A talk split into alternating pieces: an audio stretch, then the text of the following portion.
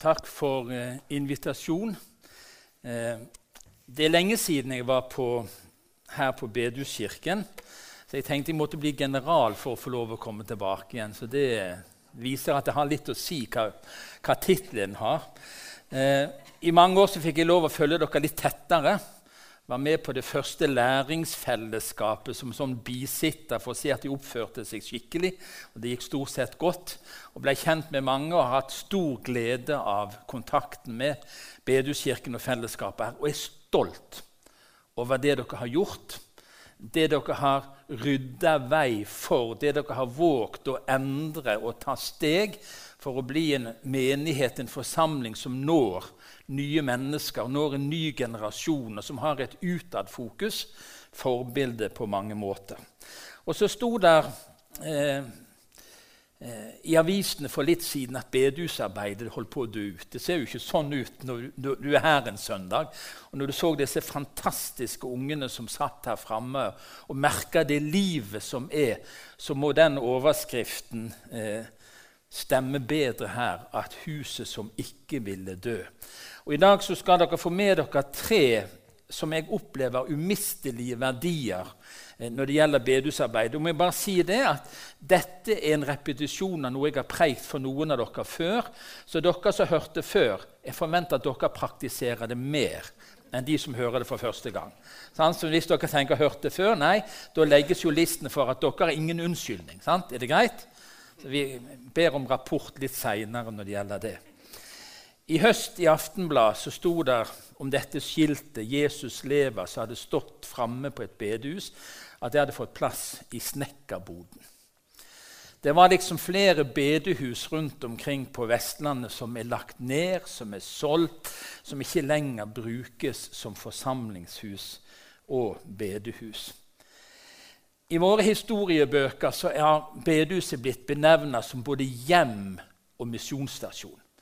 Vi er ikke primært en organisasjon, vi er familie. Vi, vi, er brødre og søstre, vi bryr oss om hverandre. Vi er generasjoner sammen med et oppdrag. Bedehuset mer enn å gå på et møte, et arrangement. Det er et hjem for oss. Og så er det en misjonsstasjon. Det er et sted vi skal få hjelp til å utruste som kristne i hverdagen vår. Det viktigste, Jo, det er viktig med gudstjeneste. Jeg elsker gudstjenester. Men det er når vi er utsendt i hverdagen vår, misjonsarbeidet virkelig pågår. Og Derfor skal bedehuset være et sted hvor vi utrustes for det arbeidet som skjer ut forbi. Og så er det sant at bedehuset er i endring.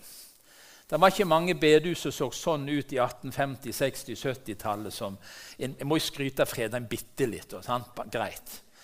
Selv om lokalet er litt sånn Det er jo ikke akkurat høykirkelig, men, men det fungerer. Bedehuset er i endring. Det var foreningsarbeid, og nå er det mer og mer forsamlinger hvor en tar et større ansvar for hele livet. Det er menigheter som vokser fram. Det er bedre organisert. Og det er flere tilbud. Det er mer en kan få være med på. Men mitt spørsmål har vært i denne jubileumsfasen er det mer åndelig liv. Det er blitt mer profesjonelt. Det er blitt litt mer veldrevet. Men, men, er det det åndelige livet, de største vekkelsene i vår historie, de skjedde før det var skikkelig organisert, før bedehusene så sånn ut som nå? Sant? Når det var enklere på alle måter, så opplevde vi hundrevis i perioder som kom til tro i bygder og byer. Før alt ble sånn som vi vil ha det, sant? som vi trives med det. Så vårt spørsmål er de endringene vi gjør, de må ikke vi gjøre for vår egen bekvemmelighet, men fordi vi vil nå ut med evangeliet. I vår tid. Til dagens mennesker.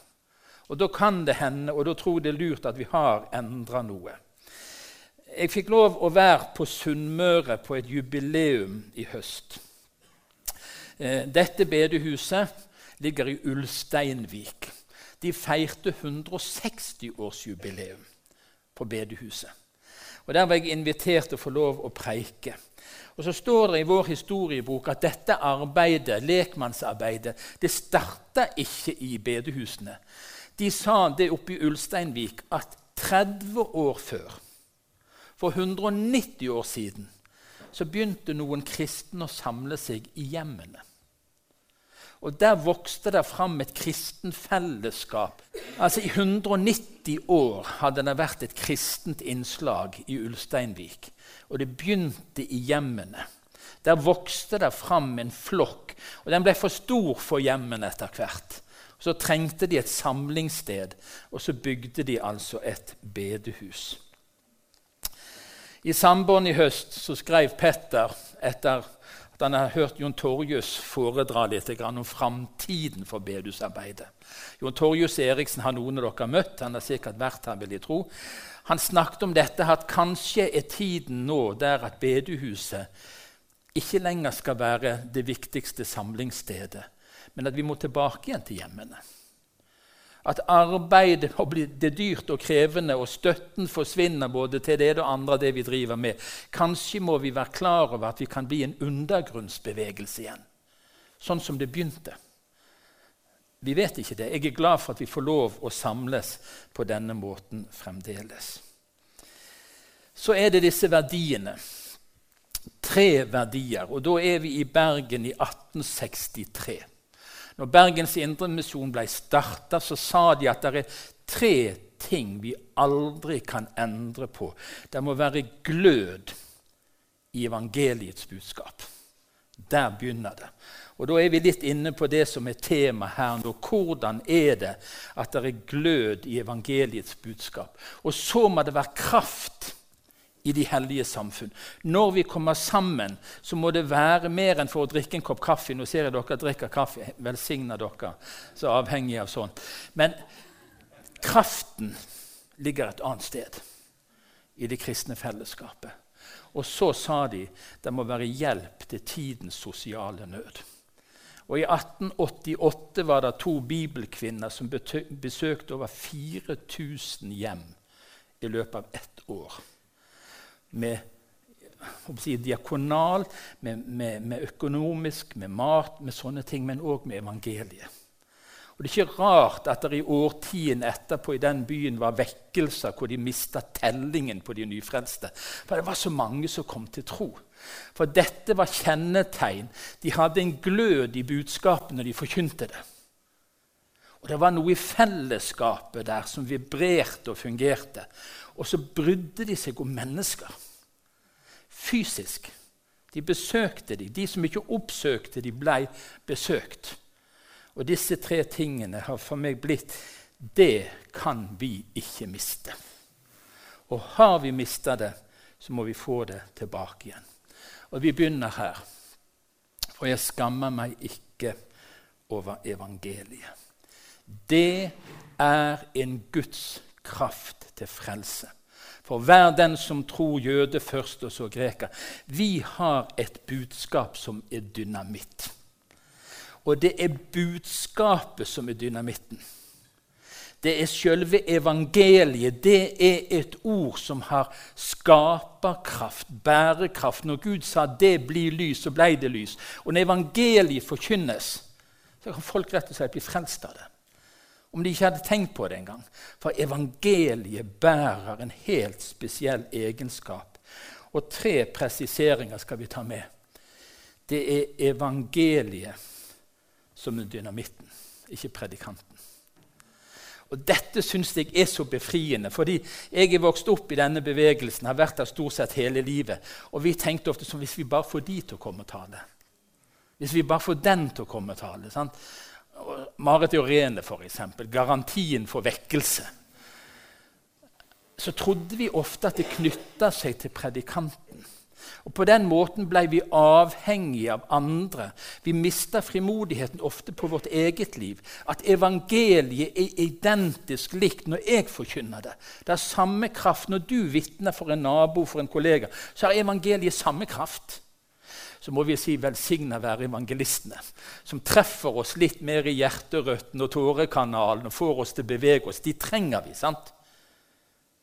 Men det er bare fordi de har en gave til å formidle evangeliet. som gjør at det virker. Det er ikke deres kraft. Det er ikke deres personlighet. Og det vil si at du bærer det samme som evangelistene. Du har det samme verktøyet, du har det samme redskapet. Du har evangeliet. Det er, det, det kraftige saker. Det du har å formidle. Men så skader det jo ikke at predikanten virkelig tror på det og er engasjert. At vi har virkelig lyst til å fortelle at dette er viktig, dette er svært. Det er jo kjedelig hvis dere sovner, og det eneste er kaffen som gjør at dere holder dere våken. sant? Det gjør jo ingenting at det er litt engasjement i det vi formidler. Men vi forkynner ikke oss sjøl. Ikke det nydelig? Tenk hvis det var deg sjøl du skulle forkynt. Tenk det var alle dine seier og alle dine åndelige oppturer og alt det fantastiske du bidro med. Nei, det er ikke det du skal forkynne. Du forkynner ikke deg sjøl. Du forkynner Jesus Kristus som Herre. Og faktisk, vi er bare tjenere. Og jeg syns det er så nydelig. At jeg kan på en måte få lov å si det er ikke så viktig. Det er Jesus det handler om. Det er han vi vil male korsfester for mennesker. Det er han vi ønsker folk skal få lov å få et møte med. Ikke med oss som forkynner. Og så skjer det noe når dette evangeliet får landingsplass i våre liv.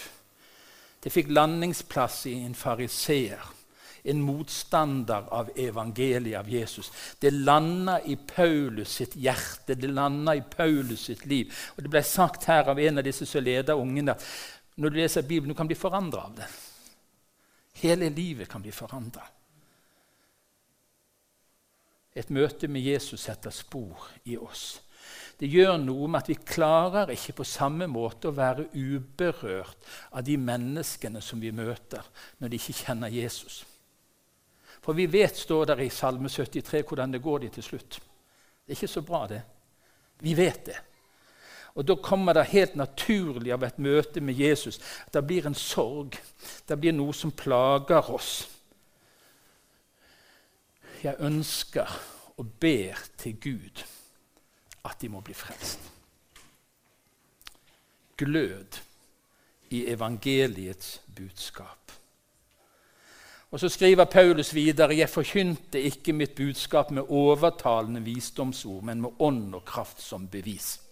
Dette handler ikke om veltalenhet, det handler ikke om at du har gått og studert hvor mange punkter og innledninger og avslutninger. Det er bare at du sjøl er en bærer av Guds ånd. Og Når den slipper til i ditt liv, og når du vitner om Han, så er det kraftdimensjon som ikke kommer fra deg, men det kommer fra Gud sjøl. Så egentlig har vi fått hele pakken. Det handler ikke om oss. Det handler om evangeliet. Det handler om Jesus. Og kraften til å vitne det får vi òg av han. Han sa vær så god. Det der får du ikke til sjøl. Dette trenger du meg for.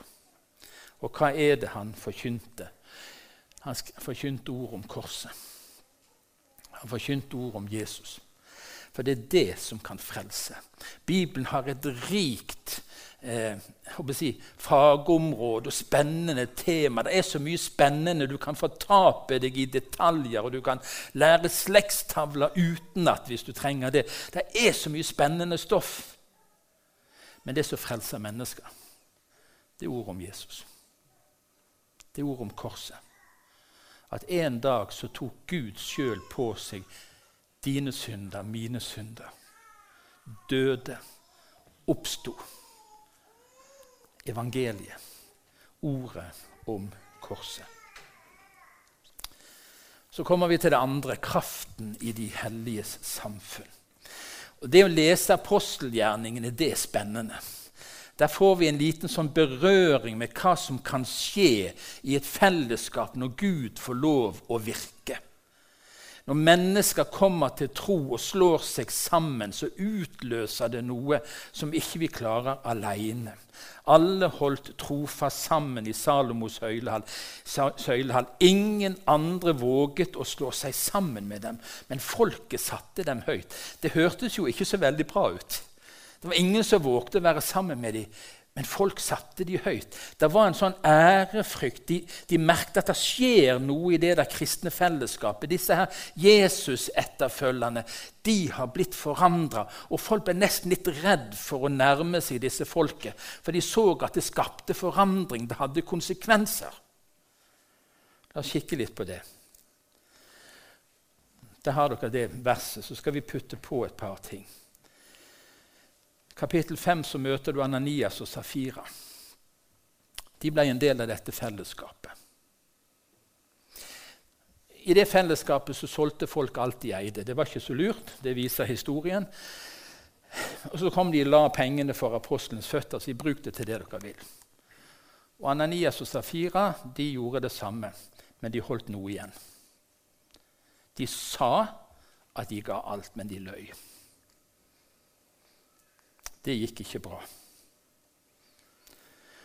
Det gikk ikke bra. De falt døde til jorden, begge to. Det var ikke rart at folk var litt redde. de. Vi kan rett og slett miste livet av å bli frelst. Fordi det har så store konsekvenser. Det var en kraft i dette fellesskapet som avslørte falskhet og synd og løgn. Folk ble avslørt. Og det er nesten jeg blir litt redd sjøl. Du, er du klar? Hvis du nå ble avslørt, hvordan sto det til med deg da? Med meg?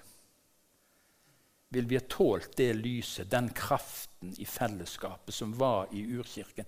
Vil vi ha tålt det gjennomlyset som skjedde? Det var ikke rart at de ikke helt vågte å slå seg sammen med dem når de så hvordan det gikk. Og likevel Stadig flere trodde på Herren og ble lagt til dem, både menn og kvinner, i stort antall. Denne kraften i det hellige samfunn både var avskrekkende og tiltrekkende. Og De som har forska på urkirken, sier at noe av vekstgrunnlaget var nettopp det nye fellesskapet som vokste fram. Det ene var enheten, det ene var hvordan de hjalp hverandre. Hvordan menn og kvinner ble jeg, likeverdige, barn ble løftet opp, slavene fikk verdi. Det var en sånn kraft i det fellesskapet som forandra virkeligheten. Og så var det skremmende, og så var det tiltrekkende. Det står faktisk, Jeg håper ikke det er mange prester her altså, av yrke nå. Tenk, en mengde prester kom til troen, står der òg. Altså, det var skikkelige saker. Ja, det ble vekkelse blant prestene. Det, da, da, er det kraft ute og går, spør du meg. altså. Og så var det sånn at det var ikke folk som skalv. I vår tid så skjelver jo folk. Da de hadde bedt, skalv stedet der de var samla. De ble alle fylt av Den hellige ånd og talte Guds ord med frimodighet. Jeg har ennå ikke vært på et bønnemøte hvor gulvet skjelver. Jeg har vært på mange hvor folk skjelver. Det er ikke så vanskelig å få til det. Men når gulvet skjelver, og det ikke er jordskjelv, da er det kraft der. Dette var virkeligheten i denne kirken av Jesu etterfølgere. De som hadde møtt evangeliet, som hadde tatt imot evangeliet og blitt født på ny. Det satte så dype spor at når de kom sammen, så ble det et annet type fellesskap som ikke hadde vært til stede før. Og så talte Gud inn i dette fellesskapet. I Apostlenes gjerninger kapittel 13 er vi en av de første hedningemenighetene. En gang mens de feiret gudstjenester for Herren og fastet, sa Den hellige ånd.: Ta ut Barnabas og Saulus for meg, så de kan gå til den oppgaven jeg har kalt dem til. Det der er litt stilig. Nå er det gudstjeneste. Jeg har ikke fasta i dag. Jeg har spist litt mindre enn jeg trengte, kjenner jeg. Men jeg har ikke fasta. Men vi tror at Den hellige ånd kan tale. Gjør vi det? Tenk hvis den begynte å si 'ta ut for meg'. At Ånden bare sa 'nå er tiden der' til at det skal skje en forandring i noe sitt liv. Det har skjedd på mange bedehus opp gjennom historien. Det er mange som kan fortelle om det at de satt der, og så ble de truffet av ordet og forkynnelsen og Guds ånd, og så måtte de gjøre forandringer i livet. Det kan være dramatiske forandringer. Det var et kall til å reise ut. Det var et kall til å gå inn i en tjeneste som var krevende og utfordrende. Eller det var helt andre ting. Men det er farlig å være på gudstjeneste, folk. Ja, det er jo det. Ja, for Hvis Den hellige ånd får slippe til, så kan jo hva som helst skje. Men hos hver enkelt, står det i første kor 12, gir Ånden seg til kjenne slik at det blir til det gode. ikke det nydelig? Alt det Den hellige ånd gjør, det kan smerte når han treffer oss. Men det er alltid med vårt beste i sikte. Så egentlig er det veldig trygt å være på gudstjeneste. Kan hende at Gud får deg på den plassen han virkelig vil ha deg. Kanskje han får lov å flytte deg og bevege deg og få deg til å legge av noe som ikke skulle være der. Han gjør det bare til det beste for oss. Jeg elsker å være på gudstjeneste. Det er flott. Nå er vi tilbake igjen i Bergen. Det er ikke sånn huset så ut i 1863. for Det var en stall, en hestestall som de bygde. Eh, hadde bedehus til å begynne med, selv om akkurat i 1863 var ikke det bygget heller i bruk. Men i en av jubileumsbøkene, eller i en bok om høstmøtene i Bergens Indremisjon, så står den setningen, og den har planta seg i meg. De beskrev en forsamling av kristne hvor det var et overskudd av liv. De beskrev en menighet som ikke hadde nok med seg sjøl. Og hvor det var kraft til nysatsing, til utsendelse, til å ta i gang med områder. De drev gamlehjem, sykehjem, de hadde oppsøkende arbeid blant de prostituerte. De hadde havnemisjon. De hadde et enormt trøkk. Og når fiskerne oppover kysten eh, sendte et brev til Bergen kan dere sende oss en predikant, for her, her, De ligger jo stille her i flere dager i sildefisk, og det er dårlig vær. Vi må ha noen som forkynner Guds ord til fiskerne. Så sendte ikke de en predikant, de lagde en organisasjon. Den indre sjømannsmisjonen. Så ga de den til fiskerne. Det var et overskudd i fellesskapet på bedehuset som skapte nye ting. Og Det der er en sånn smerte for meg og en utfordring har vi fellesskap nå i IMF som har overskudd til å være mer enn nok for oss sjøl. Som kan plante, som kan sende, som kan velsigne. Og som kan bety noe mer enn å bare og Ikke misforstå noe. Det var en fantastisk flokk som er her i dag. sant? Velsigna dere som får lov å samles på denne måten. Men er det overskudd? Er det overskudd til å plante, til å sende, til å bety noe for andre. Og så, har vi fått en sånn ulykkelig holdning at nei, det er ikke helt perfekt ennå, så vi må vente litt. Lovsangen er jo ikke helt perfekt. Sant? Det kan ikke be med naboen ennå. Og møteledelsen vet jo ikke hva økonomi Nei, jeg mener altså, vi, vi, vi, vi, vi, vet, vi, vet, jo ikke hva Er det trygt nok? Og så, så, er det aldri godt nok en gang til, med, til å be med seg folk. Det er djevelens listige angrep. Og vi har ikke råd til å sende noen, for vi har så mye å ta ansvar for her. Jo, vi har det. Hvis det er kraft i de hellige samfunn, så skal det være overskudd av liv som gjør at det kan spre seg. Og da blir spørsmålet er det kraftkrise egentlig i de helliges samfunn. Hvert rike som kommer i strid med seg selv, blir lagt øde. Og en by eller et hus som kommer i strid med seg selv, kan ikke bli stående. Åndens enhet er det viktigste vi har.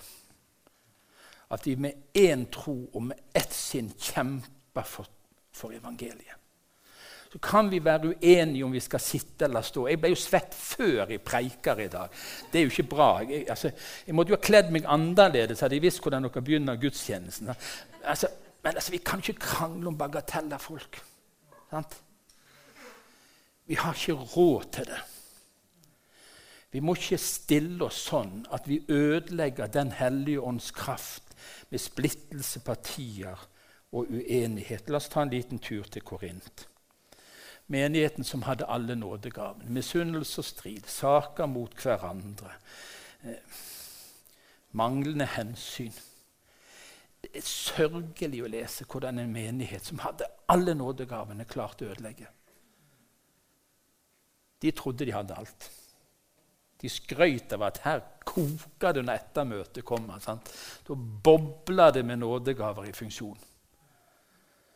Men han sa de var umodne. Kunne ikke gi dem skikkelig åndelig mat, for de var som småbarn. Og det spørsmålet har vi kraftkrise i vårt fellesskap. Men dette har jeg imot deg. Du har forlatt din første kjærlighet. Tenk på hvor du sto før du falt. Vend om og gjør de gjerningene du gjorde før. Ellers kommer jeg til deg og tar lysestaken din bort. Indremisjonen har vært, 105, vært, i 125 år. Hvis ikke vi kan bruke, så finner han noen andre. Så flytter han lysestaken et annet sted. Vi kan ikke leve på vår historie. Bedehuskirken kan ikke leve på vekkelsene på Saron tilbake til 1800-tallet. Enten så bærer vi den første kjærligheten den som dreiv oss til å bry oss om hverandre, om de som står utenfor. Og Det blir et spørsmål til deg og meg i dag. Har vi, Er det noe vi har forlatt på veien? Er det blitt en vane? Eller er det noe som dirrer av liv? Er det ikke liv, så er Gud så opptatt av at folk skal bli frelst da flytter han det til noen andre. Det siste. Hjelp til tidens sosiale nød. Vi reiser tilbake til Ulsteinvik. I 1889 ble det vedtatt å bygge et gamlehjem. Og nå har du sett bedehuset, og nå har de bygd gamlehjem. Vegg i vegg med bedehuset.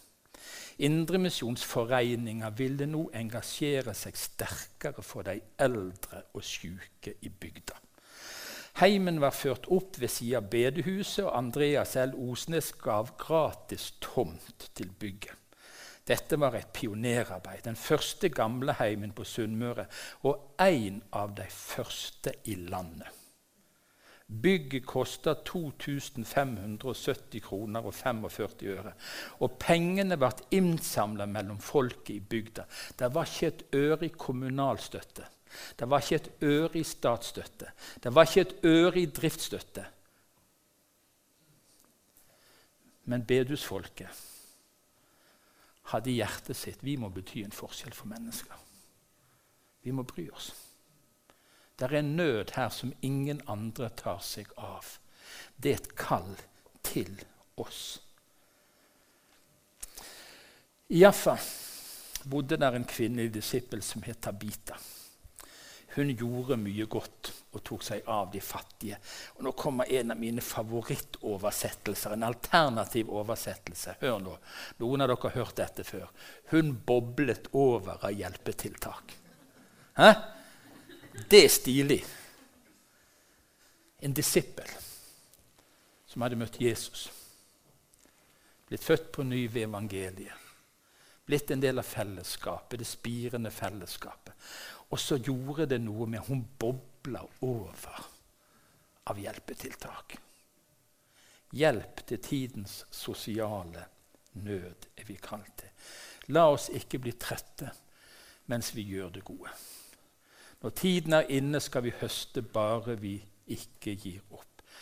Så la oss gjøre godt mot alle så lenge det er tid, og mest mot dem som er vår familie i troen. Det begynner i fellesskapet. Det skaper kraft og overskudd. Og Når det er på plass, så beveger det seg ut til alle. Det, det kan ikke stoppe her. Dette her er godsaker som andre må få del i. Og er det noe folk trenger med det ras av psykiske plager og lidelser, ensomhet, utenforskap, sosiale ulikheter i oppvekst, samlivsutfordringer Vi lever på toppen av velstandspyramiden, og tomheten er større enn noen gang. Nøden vokser opp ungdomsgenerasjoner er så ramma. Det er så utrolig mange som ikke orker en dag. Det er en epidemi av 10-11-12-åringer som ikke kommer ut av huset. De går ikke på skole, de er ikke med på noen ting.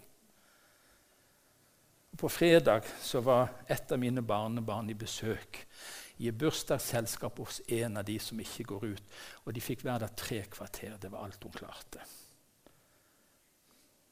Det er så mange som sliter. Det er så mange behov der ute. Og det er så mange ting som samfunnet ikke klarer å ordne opp i. Inni den gaten der har Bergens Indremisjon lenge drevet hjem for alkoholikere. De som virkelig faller gjennom systemet.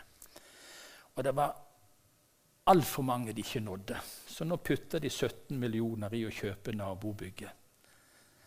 Overskudd av liv for å hjelpe flere.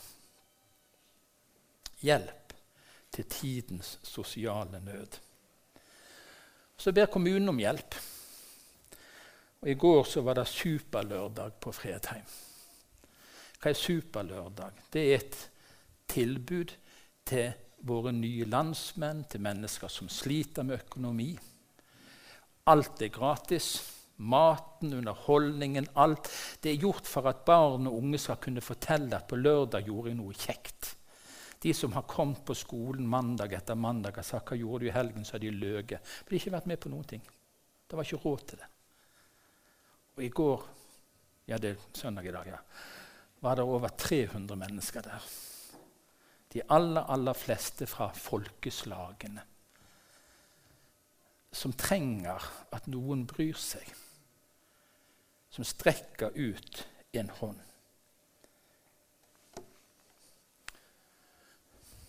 Han vi følger, og han vi tjener. Og så folk, folkemengdene, fikk han inderlig medfølelse med dem. For de var forkomne og hjelpeløse, som sauer uten gjeter.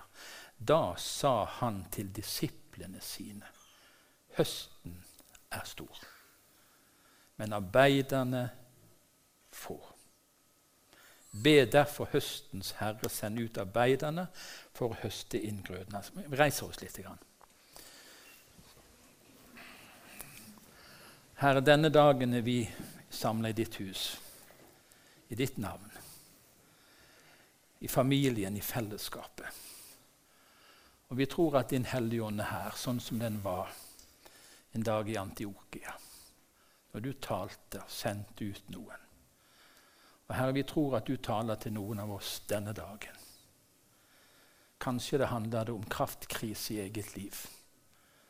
Om kjærlighet som har slukne. Kanskje er det noen vi har tenkt på lenge. Du har minnet oss om, Herre. Nå ber vi. Står vi foran deg en flokk, Herre. Og så sier du til oss at høsten er stor. Det mangler ikke på høsten. Men de som vil arbeide, er få. Nå ber jeg, Herre, at du forandrer oss som er her, til høstarbeidere til mennesker som eh, med frimodighet formidler evangeliet. For kraften er ikke i oss. Vi forkynner ikke oss sjøl, vår egen perfekthet og åndelighet. Vi forkynner Jesus. Kom og se, sa en dame en gang. En som har sagt meg alt jeg har gjort. Og det var mye galt. Han skulle vel ikke være Messias så ble en hel bygd forandra i møte med et vitnesbyrd. Herre, be for Bedehuskirken. Reis de opp til å være et frimodig folk som har glød i evangeliets budskap og kraft i de hellige samfunn. Men at det blir overskudd av liv og hjelp til den nøden som òg er her på dette stedet. Gud velsigne dere.